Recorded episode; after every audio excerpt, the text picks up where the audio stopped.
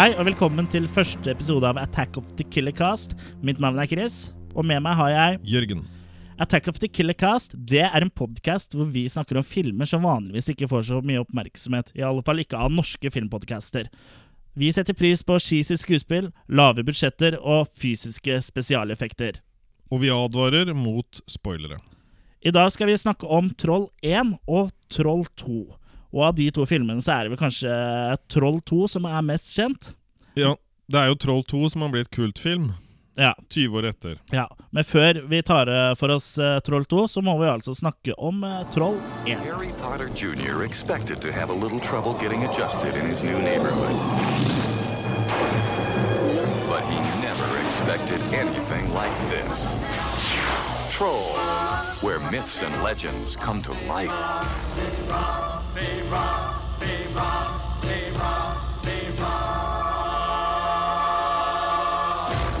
Ja, du hørte riktig.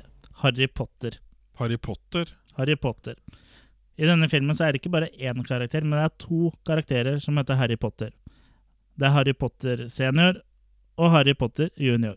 Så det her er det J.K. Rowling har da blitt inspirert av, stjålet og gjort til sitt eget? Det er ikke godt å si, men eh, Troll kom jo i 1986, altså elleve år før J.K. Rowling kom med sin første bok om eh, Harry Potter.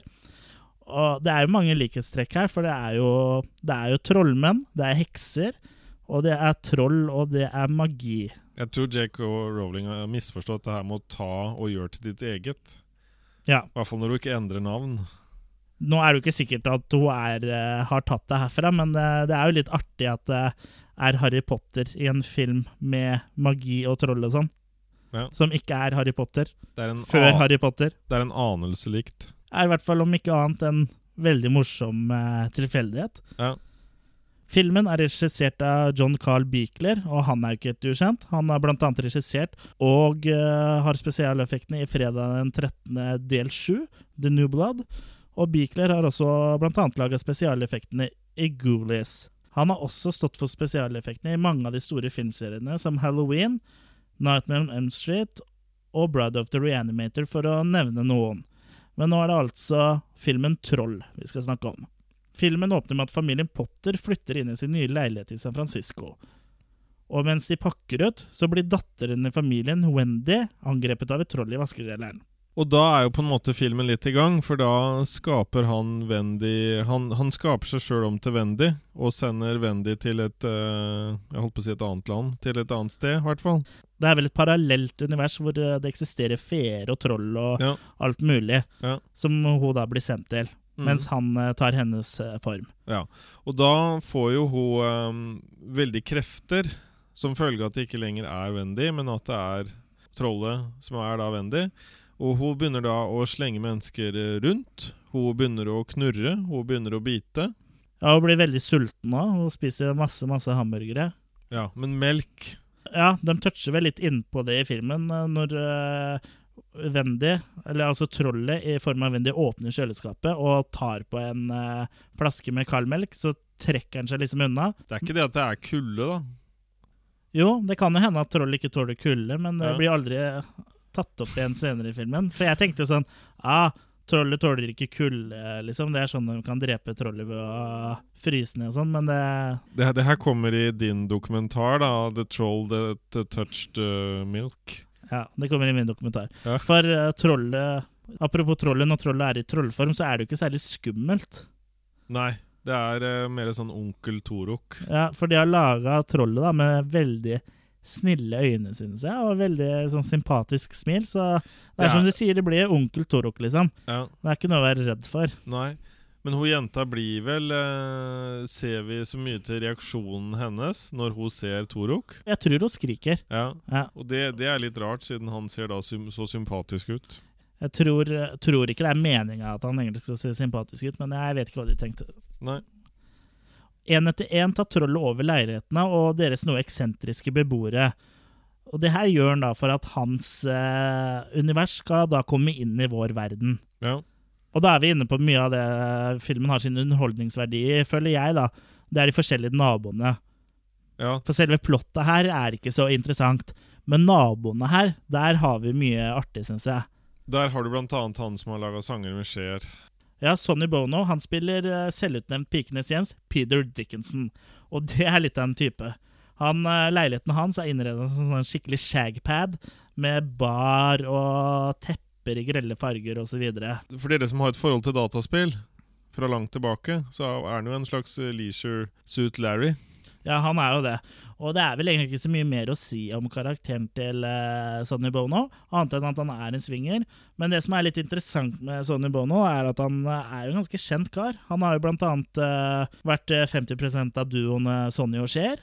Og han har jo også skrevet mange låter, blant annet uh, de med Cher og I Got You, Babe. Og så har han jo også skrevet Bang Bang, My Baby Shot Me Down, som Nancy Sinatra fremfører. Så det er jo en eh, talentfull fyr, eh, det her, altså. Sonny har jo også vært ordfører i Palm Springs, California, og senere kongressmann for staten California fram til han eh, døde. En annen nabo vi møter, er jo en eh, gærning av en eksmilitær. En slags eh, amerikansk eh, Crocodile Dundee. Som en slags amerikansk Crocodile Dundee. Ja, og interiøret i leiligheten gjenspeiler jo mye personligheten. Ja, den, den leiligheten der er eh, meget spesiell. Det ser liksom litt sånn Apokalypse Now-light-aktig ut. Ja. Jeg liksom bare forventa at jeg kanskje se Marlon Brando stå borti et hjørne der. For på samme måte som den til han Sony Sonny var liksom på en måte skjeggete, Mm. så var den her veldig sånn wild animal. Ja, Typ. veld, veldig wild Ja. Du forventer at det kommer en eller annen eh, heksedoktor eller et eller annet sånn ut plutselig av et rom. eller et eller annet sånt. ja, ja. Ja. Og som Jeanette Cooper har vi Julia Louis Dreyfus i sin første filmrolle. Og hun er vel best kjent som Elaine eh, fra Seinfeld.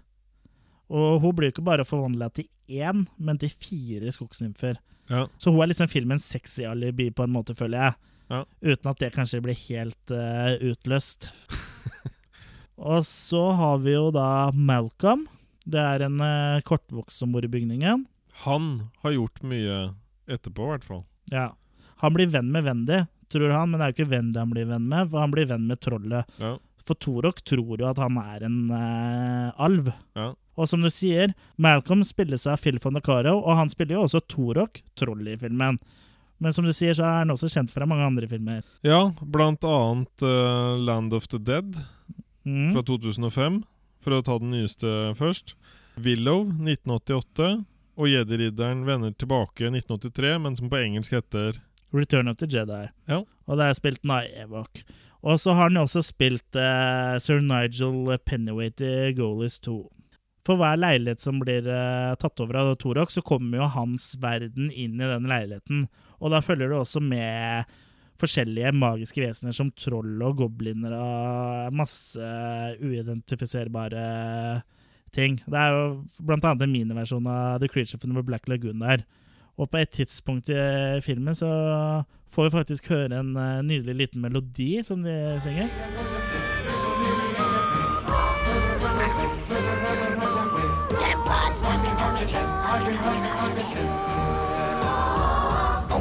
Oh,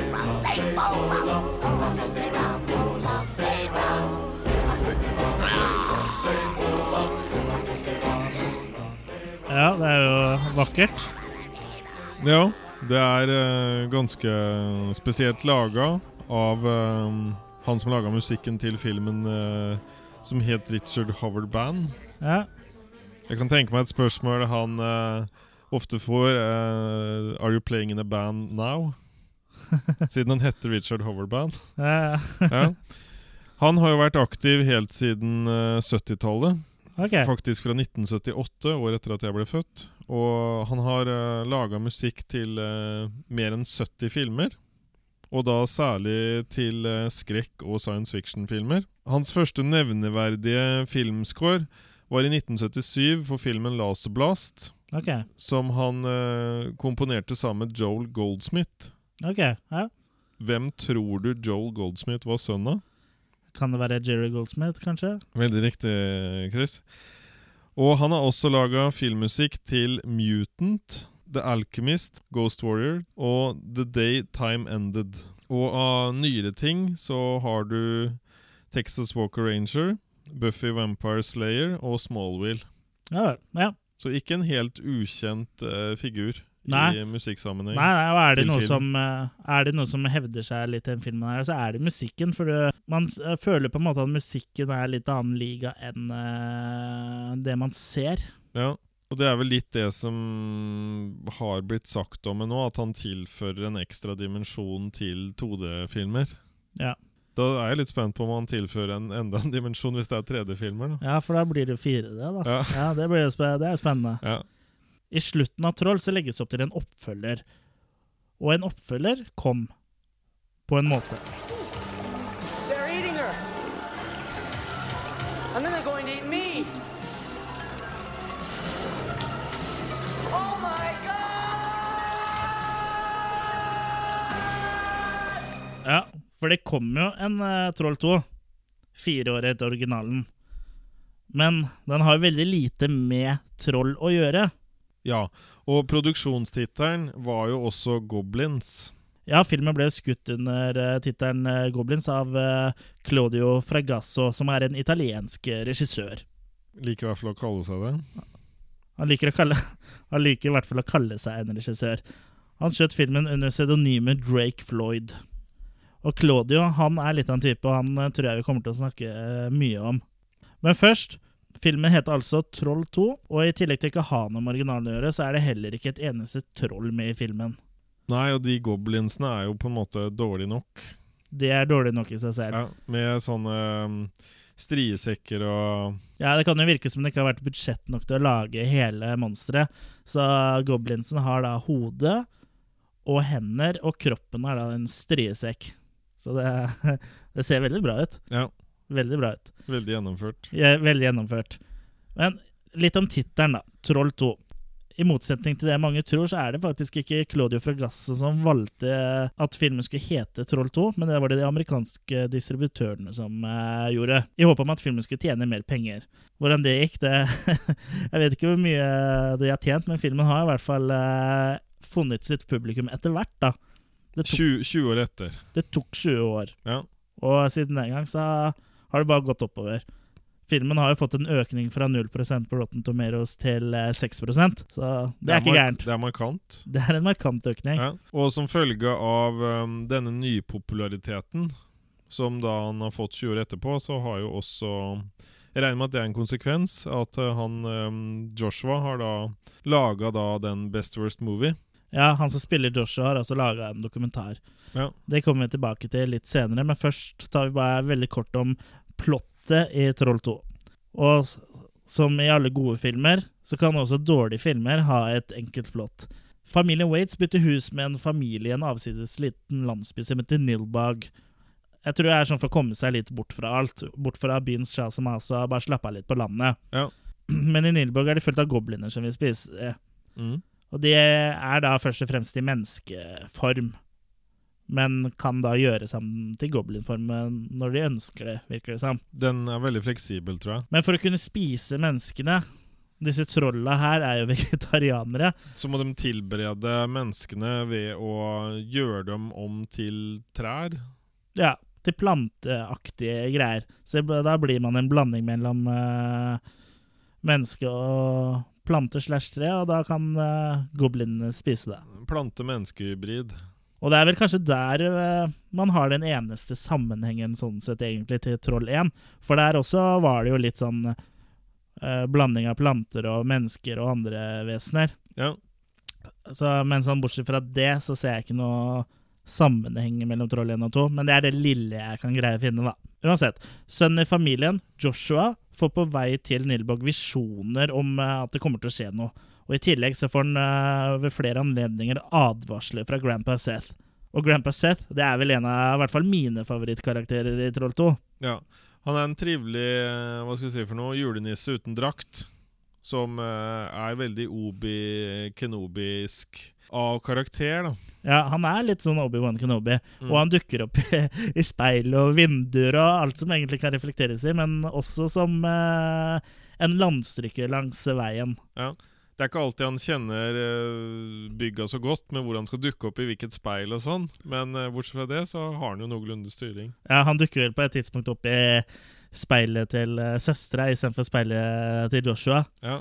Fordi han ikke Han kjenner ikke planlegginga på huset, er det vel Nei, han sier? Ja, han kommenterer det faktisk sjøl. Ja, så det syns jeg det, det her er jo Det må jo være uh, humor som er uh, gjort med vilje, da, fra Fragasos side. Ja. Det her er jo ikke ufrivillig morsomt. Eller det blir på en måte ufrivillig morsomt, for det er ikke så morsomt. Men det er, det er ment morsomt, tror jeg. Ja.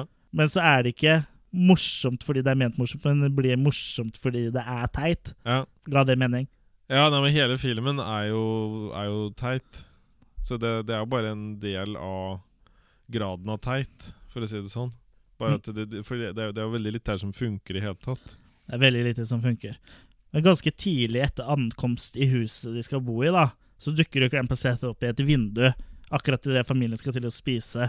For uh, den familien de låner huset har jo gjort i stand en skikkelig smørgåsbord til det, hvor du ser masse deilige retter, og alt har sånn der grønn gugge i seg. Og idet de skal til å spise, så kommer jo Grandpa Seth uh, opp i speilet. Ja. Og da, da vil han at um, Han greier da å fryse tida i 30 sekunder, sånn som Joshua skal klare å finne opp en superidé til åssen han skal forhindre de andre i å spise. Ja, for eh, hvis de spiser, så blir jo de til eh, mat for trolla. Ja.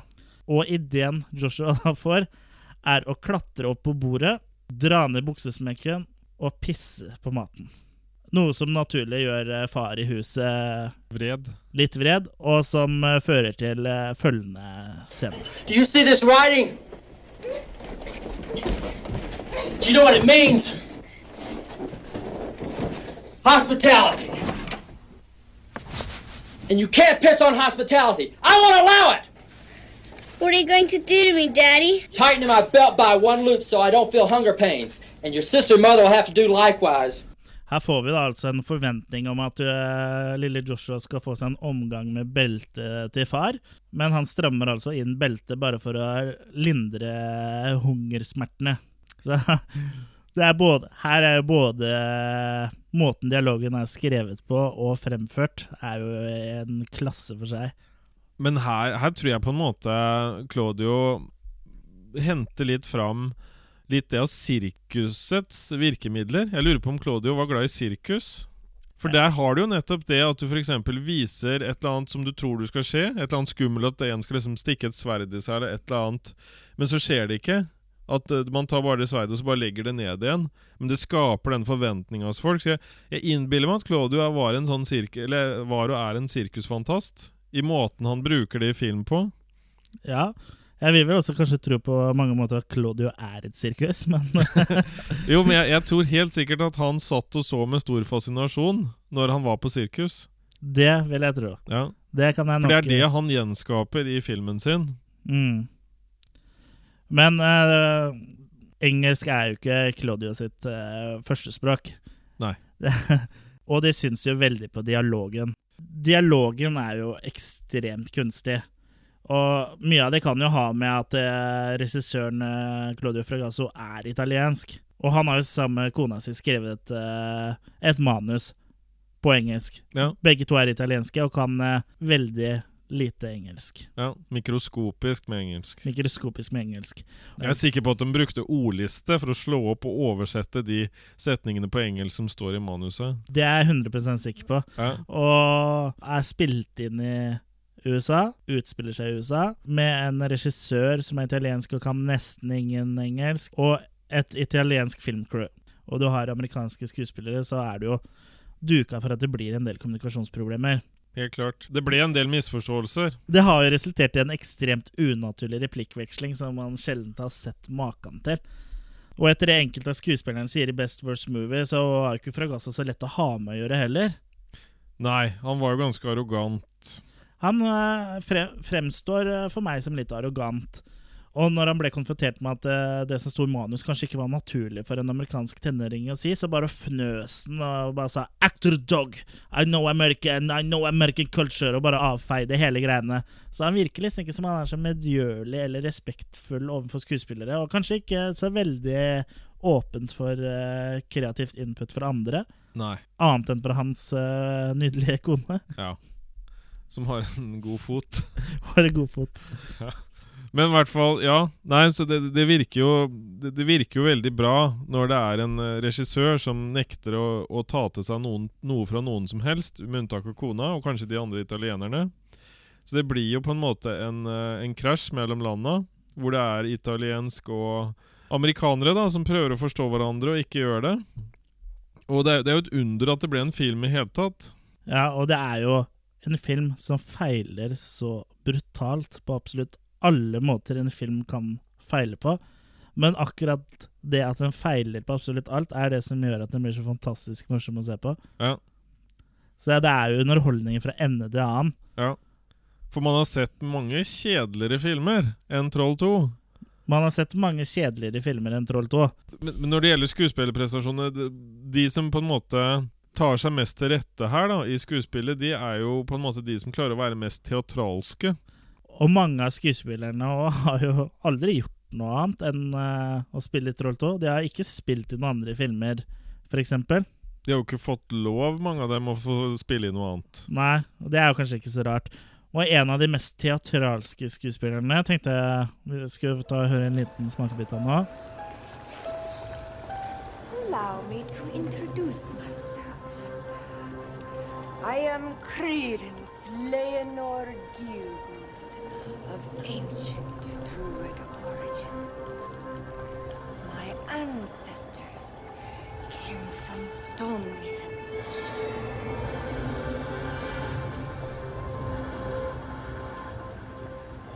Am I mistaken, or is there something wrong with the two of you?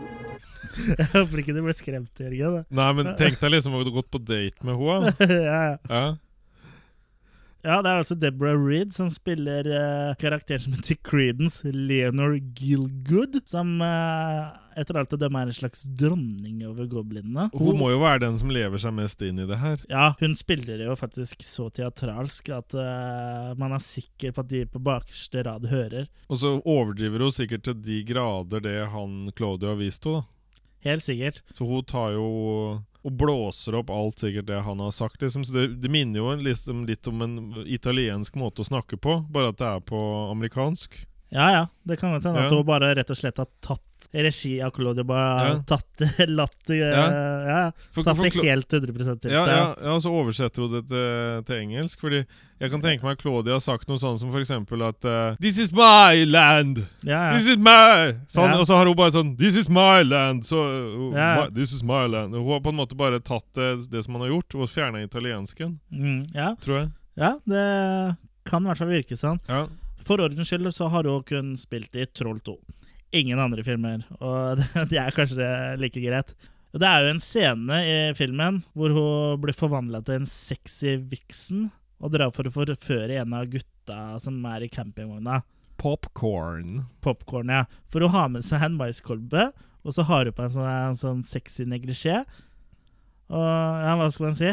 Det Da, da, hei, da, da sa du at hun minna om en annen eh, skuespiller.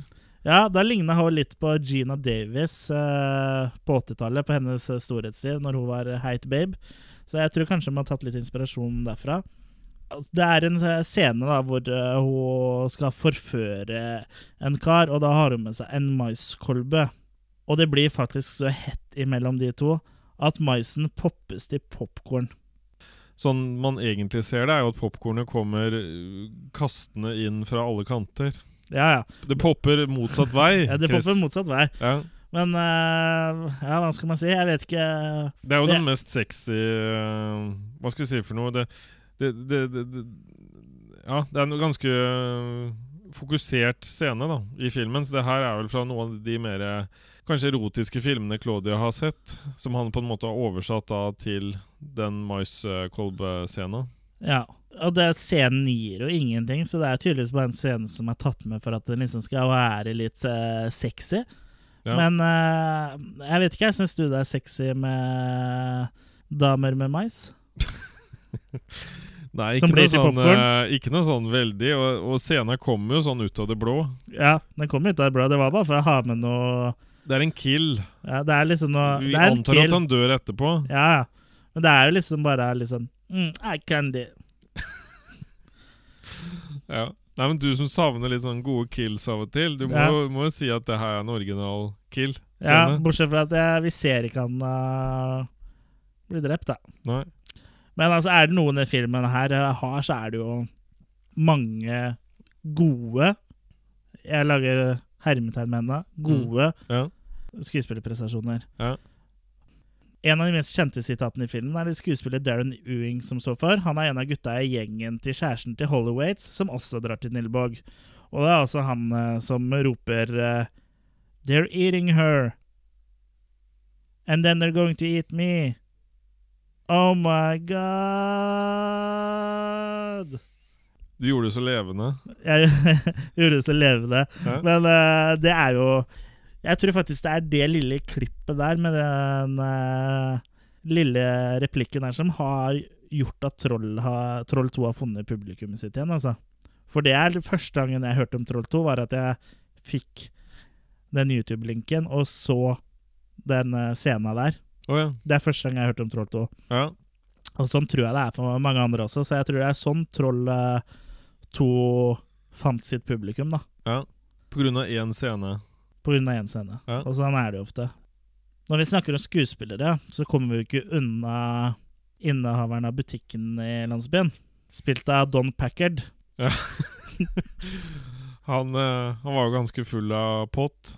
Han hadde røyka massive mengder marihuana før opptak. Og det syntes litt på prestasjonene. Han en var, annen ting som for, for så vidt også syntes litt på prestasjonene, er at han eh, visstnok var på permisjon fra mentalsykehuset og fikk en rolle i Troll 2. Så fin fyr. Han hadde vel ikke så veldig godt forhold til barna i filmen heller. Nei, han, han hadde jo nærmest lyst til å ta livet av han eh, Joshua. Ja, Ved å stappe masse grønn gugge i kjeften på han. Ja. Så han, eh, han var ikke helt vel bevart, for å si det sånn. Og så er det mora i familien, da. Diane Waits, som spilles av Margot Prey. Får kanskje litt, litt sånn uh, Åndenes makt-feeling. Ja, hun, Hun virker litt lost. hun virker veldig lost. Ja. Og akkurat hvor lost hun er, får du jo faktisk se i den uh, Best First Movie-dokumentaren, hvor hun uh, faktisk sammenligner Troll 2 med Casablanca. Hun, hun svever litt, vil jeg si. Hun svever veldig. Ja. Den som har mest beina på jorda, er vel mora hennes. Ja, hennes invalide mor som hun tar seg av, Ja. får vi vite. Hun, hun har jo liksom litt mer eh, jordlig kontakt. Ja, Ja. Når hun. når hun snerrer til han George Hardy at det, det hjelper ikke å ta på deg jakka, det blir ikke ferdig noe før. Så han ble jo litt skremt. ja, og jeg får jo inntrykk at uh, hun Margot uh, bare tar seg Sing that song I like so much. Ja, fortell litt om det. Ja. Det er jo i bilscena, når de eh, skal dit de skal bytte hus. Mm. Og det som også skremmer er at hun sier at hun la den rollen så tett opp til seg sjøl som mulig. Men det kan vi jo tygge litt på. Og hvor hun plutselig der bare klikker på Joshua og sier bare 'Syng! Syng den sangen jeg liker så mye!' Og av alle sanger i verden Hun kan jo velge utrolig mange, så velger hun 'Row, row, row the boat'. Ja, Ja. det er fantastisk. Ikke under på bussen. Nei, det er din favoritt. Ja. Så, og så klarer hun ikke å synge heller. For de skal synge sånn i kano. Ja, ja. Og de andre greier det, men hun kommer inn midt i. Ja, ja, det er helt forferdelig. Så En som virker som han har uh, beina godt planta på jorda, er jo George Hardy, som spiller faren eh, i familien. han er jo veldig stødig. Ja, Han virker som en veldig sympatisk uh, fyr. Ja, Når de sitter inne i stua, og hun snur seg mot han og sier 'Who are the goblins?' Ja, det, det Ja, Den skjønte jeg egentlig ikke hvor kommer fra, den heller. Nei. Ba- så det virker som Jeg tror noen snakker til eh, hun Jeg tror hun har kontakt med en annen dimensjon som snakker gjennom munnen hennes. I filmen, eller? Nei, sånn Så ellers så. Ja. Ja, ja. ja du, er, du er nok inne på noe der, altså. ja jeg tror hun er en puppet som blir styrt av en eh, høyere Litt uintelligent uh, høyremakt. Ja, jeg vet ikke. ok, ja. Ja, for uh, henne og hun andre heksa, dem, dem har jo en eller annen sånn De har en eller annen sånn fjerde vegg. ja. Ja. Dimensjon. Mot slutten av filmen så har landsbybeboerne stelt i stand en eh, fest til familien. Og det er jo skikkelig fest. På bordet så står det atter en gang masse deilig mat med grønn gugge. grønne mugger med grønn saft ja, alt du kan tenke deg av grønne deiligheter. Joshua løper opp på rommet for å kontakte Grandpa Seth gjennom speilet. Men i stedet for Grandpa Seth, så er det noen andre som eh, kommer hoppende ut av speilet. Altså ut av speilet, inn i rommet. Der kommer Creedence, Og heksa. heksa, og angriper Joshua. Ja. Fra intet dukker Grandpa Seth opp og kutter hånda til Creedence. Creedence stikker av. Hun stikker inn i speilet igjen, og så stikker hånda inn i en sånn sprekk. Og får da reassembla den hånda, eller den blir skapt på nytt igjen da når du stikker den inn i den hellige sprekken. Ja, ja for hun I hennes hus så har jo en stein fra Stonehenge som familien hennes stammer fra, og når hun stikker hånda inn eh, der, eller armen som ikke har noe hånd, Mm. så får hun en hånd igjen. Ja. Og akkurat den steinen er altså kreftene til eh, Det er der goblinene får sine krefter fra, da. Mm. Tilbake i huset så forsøker Joshua og Grandpa Seth å hindre familien i å spise mat.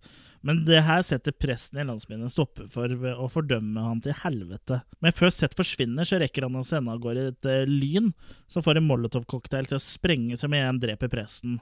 Og når presten da dør, så åpenbarer eh, hans opprinnelige goblinform seg.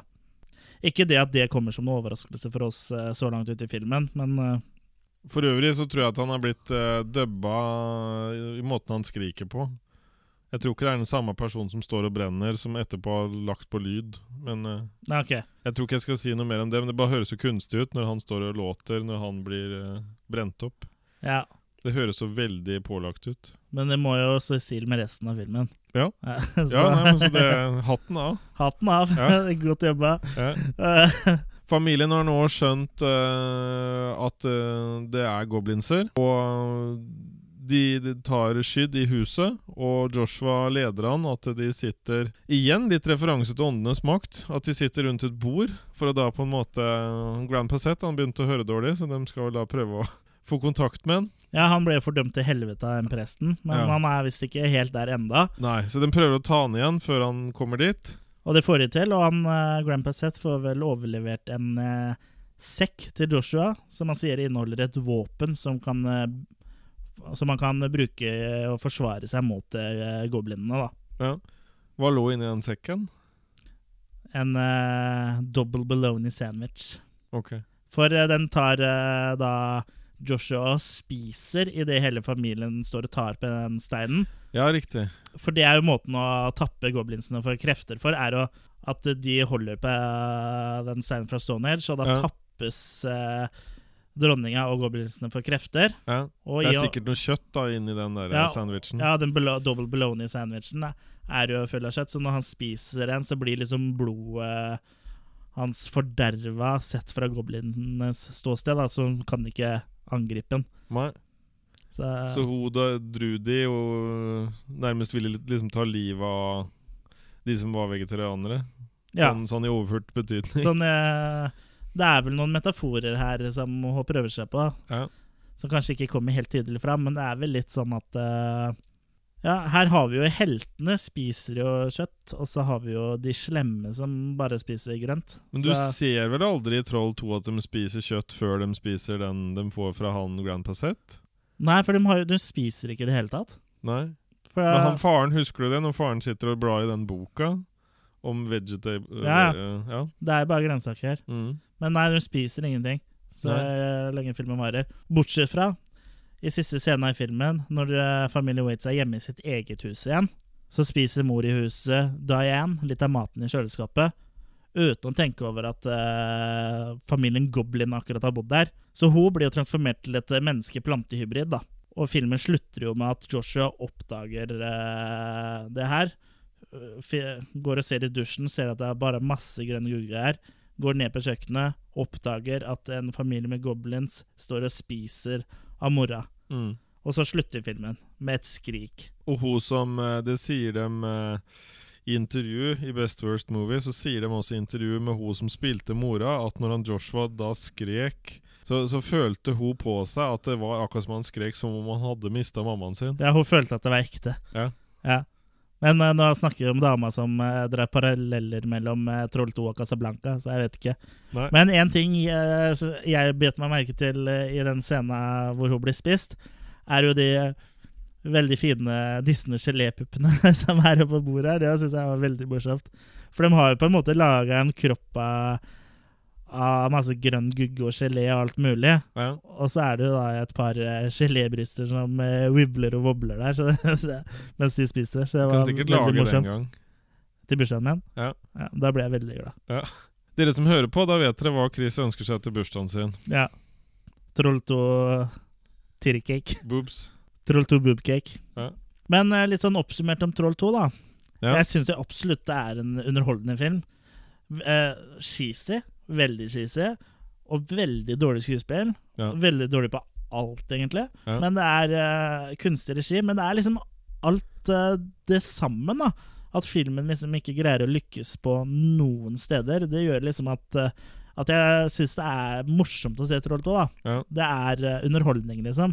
Jeg får masse glede av å se Troll 2, spesielt i selskap med andre, fordi den er jo Den er morsom. Tror du det er fordel med promille når man ser Troll 2? Jeg tror den også blir enda bedre med litt promille. ja. Troll 2 er blitt en kultfilm av dimensjoner, og så stor har den faktisk blitt at den har fått sin egen dokumentar.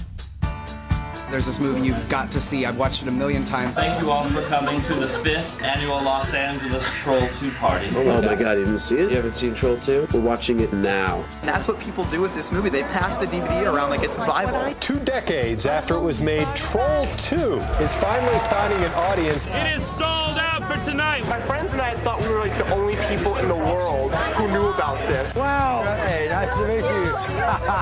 I was in a film called Troll 2. I Best Worst Movie så får vi et innblikk i hvor stor fanskare Troll 2 har opparbeida seg på. Det er, vi får blant annet se folk som treffes eh, årlig for å se Troll 2. Lage masker, gjenskape scener fra filmene. Det har jo i hele tatt blitt en veldig stor fanskare for en såpass liten, obskur, rar film. Det er en som har laga dataspill av det òg. Jeg Ja. mener han er fra Finland. Ja, ja, det er dataspill, det er eh, fanfiction, og det er uh... Folk ja, lager og står i. Mm. Det er jo veldig morsomt å se at en sånn eh, film som Troll 2 faktisk har en så hengiven fanskare som den faktisk har. Ja, de er det, Men det ikke jeg skjønner, det er, det er de som sier at de ser filmen igjen og igjen og igjen. Og til og med samme dag. Da Jeg føler at det er en film jeg på en måte Jeg, jeg vil ha litt opphold, da. Og kanskje se litt andre filmer innimellom.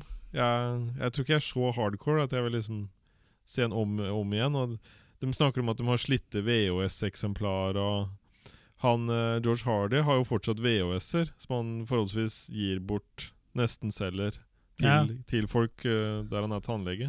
Ja. Apropos George Hardy, det må være verdens blideste fyr. Ja. Og, og snilleste. Ja.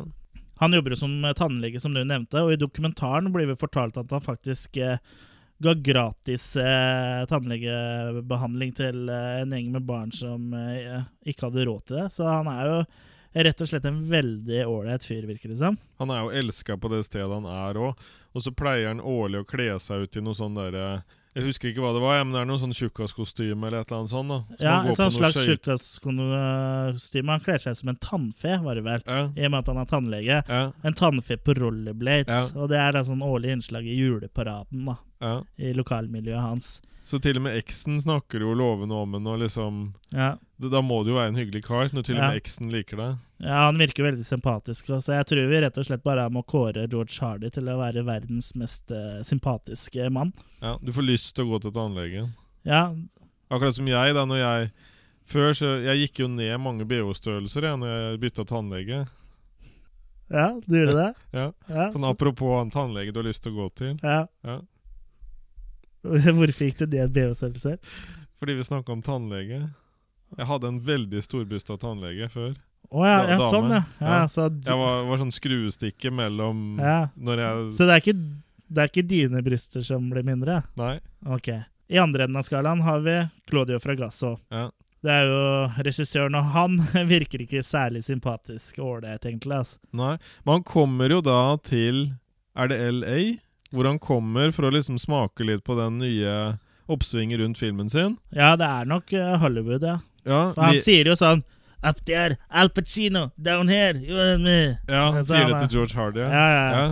Og Og ja, han stopper folk i køen, og så på en måte Yeah, what, what, what, do you think about What do you think about the movie? Ja, ikke sant? Oh, it's fantastic! It's Ja. oh! Og, og han skjønner jo ikke at de liker filmen på en eh, ironisk måte. Så han liksom, du ser jo bare lyser i øya på han. Ja. At han bare liksom tenker bare I'm big Hollywood. Ja. Du ser bare det lyser i øya på han, Mm, og at han eh, tror at eh, folk liksom liker filmen for samme grunner som han selv liker filmen. da. Ja, at han måtte oppdage det innerste i filmen Ja, ja. hans. Så du ser han er jo virkelig oppildna i starten. Han tror, han tror jo virkelig at filmen hans er bra, Mm. og, men han får seg jo en trøkk i trynet når uh, han opplever at folk ler på steder som han ikke har ment at publikum skal le på, da. Ja. Så da blir han liksom litt sånn Da ser du faktisk i dokumentaren at han blir litt sånn skuffa. Ja. Det er blant annet eh, et lite intervju som er i en, en bil der, og da ser du liksom han er litt sånn mm, mm, mm, At han ikke er helt fornøyd med det, da. Nei. Det som er litt artig i dokumentaren, er at vi får jo også et lite innblikk i hans eh, måte å regissere på, for de gjenskaper jo et par scener når de er tilbake i det huset som eh, de spilte inn filmen i. Blant annet så gjenskaper de jo den hospitality-scena. Og en annen scene hvor George Hardy løper ut av døra og stopper ved en søyle på huset. Og det, det er like dårlig kommunikasjon den dag i dag. Og George Hardy sier jo tenk om han kunne snakka like bra engelsk som han gjør nå da. Da hadde det blitt en helt annen film. Ja, ja. Og vi ser jo regien han gir nå, hvor håpløs den er. For han vil jo at han skal komme løpende ut av huset, stå rolig i to sekunder før han løper bort og holder seg fast i en søyle og kommer med dialogen sin. Og så sier han et eller annet med at 'hvordan visste jeg at brannapparatet var her'? Ja. Er det ikke det han griper etter? Jo, han griper etter et brannslukningsapparat. Ja. Som han vet at det er der, selv om han egentlig ikke visste det i hele tatt? Ja, for det er det Grandpa Seth som har fått tak i Ja. i filmen. da. Men Mm. uh, her uh, Det bare avfeier uh, Claudio. Ja. Ja, ja. Actor Ik- dogs. Ja, ikke tenk sjøl. Skal ikke tenke sjøl. Og George Hardy sier jo også det, at de satte seg ned flere ganger og så prøvde på en måte å, å finne ut hva er det det her manuset handler om. Hva, Mm. hva, er, det, hva er liksom helheten her? Ja. Og, og ingen av dem klarte å komme fram til på en måte hva, eh, noen ting. Nei, ikke sant? I 2007 så arrangerer de jo Nilbug Invasion. Og det som skjer da, er at eh, det arrangeres eh, screening av filmen i den lille byen uh, hvor filmen er spilt inn. Og det er jo blant annet et sånt panel med skuespillerne hvor de forteller om uh, produksjonen, og da blir det ofte at man vitser litt om ting som kanskje ikke funker helt greit og sånn. Og da blir jo Claudio fornærma, og han roper jo flere ganger 'Actor Dogs' igjen til de skuespillerne.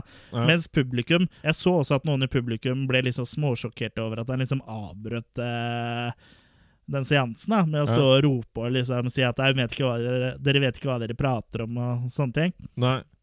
Han ble fornærma. Ja, han ble skikkelig fornærma. Ja, pert. Ja, han ble rett og slett pert. Ja. Men uansett om han vil eller ikke, så er han fortsatt regissør for uh, den beste, dårligste filmen. Den dag i dag så går det fortsatt ikke noe inn i øra på han. Nei. Nei. Da går det ut i en andre ende, virkelig. Hvis det ikke er på italiensk, så stopper han det. Han har sånn, sånn brannmur i hodet som stopper alt som kommer på engelsk. Mm. Nei, så han, han har jo ikke på en måte lært noe. Nei, han har ikke. Troll 2 ble aldri noen stor kommersiell suksess når det kom ut. Det tok jo over 20 år før den skulle finne publikummet sitt. Og derav så kom det heller aldri noen eh, Troll 3. I hvert fall ingen offisiell oppfølger. Men det har vært noen som har vært foreslått som Troll 3. Ja, det er to filmer som mange mener er en åndelig oppfølger til Troll 3. Mange mener at Contamination Point 7, også kjent som Troll 3 Contamination Point 7, også kjent som Creepers, eller The Crawler, er Troll 3. Et tidlig utkast av manuset hadde visstnok med karakterer fra de foregående filmene, men de er ikke med i den ferdige. Og som i Troll 2 så er det heller ikke noe troll uh, her. Ikke noe goblins. Men det er muterte røtter fra trær som dreper folk, så det er litt samme tema her som både i Troll 1 og 2. Og i en scene så kan du faktisk høre en låt fra Troll 2 som spilles i bakgrunnen på en bar. Den andre filmen som går for å være Troll 3, er Quest for a Mighty Sword, også kjent som Ator 4, som er den fjerde filmen i serien om Ator. Og grunnen til at den blir ansett som å være Troll 3, er at det blir gjenbrukt et kostyme fra Troll 2 i filmen. Og begge disse filmene er regissert av samme italienske regissør, Joe D'Amato. Så det er også samme person som har laga begge versjoner, som anses som Troll 3. Ja, rykt, Ryktebørsen eh, sa jo allerede i 2009 at det var snakk om at det kom en remake av Troll 1. Og IMDb bekrefter jo på en måte de ryktene nå, eh, i 2014, at det er snakk om en remake. Så antageligvis så blir det laga en remake i disse dager. Ja, det kan godt hende. Det Beakler har et ønske om å lage Troll på nytt, fordi budsjettet var så stramt når han lagde, lagde Troll, at det, det ferdige produktet ikke samsvarte med de visjonene han hadde. Så det blir spennende å se om vi får noen uh, ny troll. Da blir det nok en litt dyrere ball som må jenta leke med til å begynne med. Ja, det blir nok, uh, blir nok mer uh, dataeffekter, tenker jeg. Så jeg tror ikke det blir det samme. Altså selv om Troll 1 egentlig ikke var så mye å skrive hjemme om i utgangspunktet, så tror jeg ikke den nye versjonen kommer til å tilføre noe særlig mer. Men tror du den da kommer på kino i Norge? Det tviler jeg sterkt på. Ja. Jeg tror ikke det er noen film som kommer til å bli distribuert av de største selskapene. Nei. Men at det kom på DVD og Blu-ray i Norge, det kan godt hende. Ja. ja, det var jo det vi hadde å si om Troll og Troll 2. Personlig så får jeg vel mest glede av uh, Troll 2 av Claudio Fragasso. Ikke fordi den er så veldig bra, men fordi den er morsom. Den er så dårlig at det er bra. Ja. ja. Riktig. So bad it's good. So bad it's good. Ja. Best worst movie. Og du må absolutt, hvis ikke du vet om det, sjekke ut hjemmesiden vår. Ja, attackofthekillercast.com. Ta også Lik oss på Facebook. Send oss gjerne forslag til filmer vi kan lage podkast om. Neste gang skal vi snakke om Rubber og Zombie-Ass Toilet of the Dead. Det gleder jeg meg til. Ja, jeg må si det gjør jeg òg. det, det blir en veldig bra podkast. Ja. Så takk for at dere hørte på. Ha det bra! Ha det!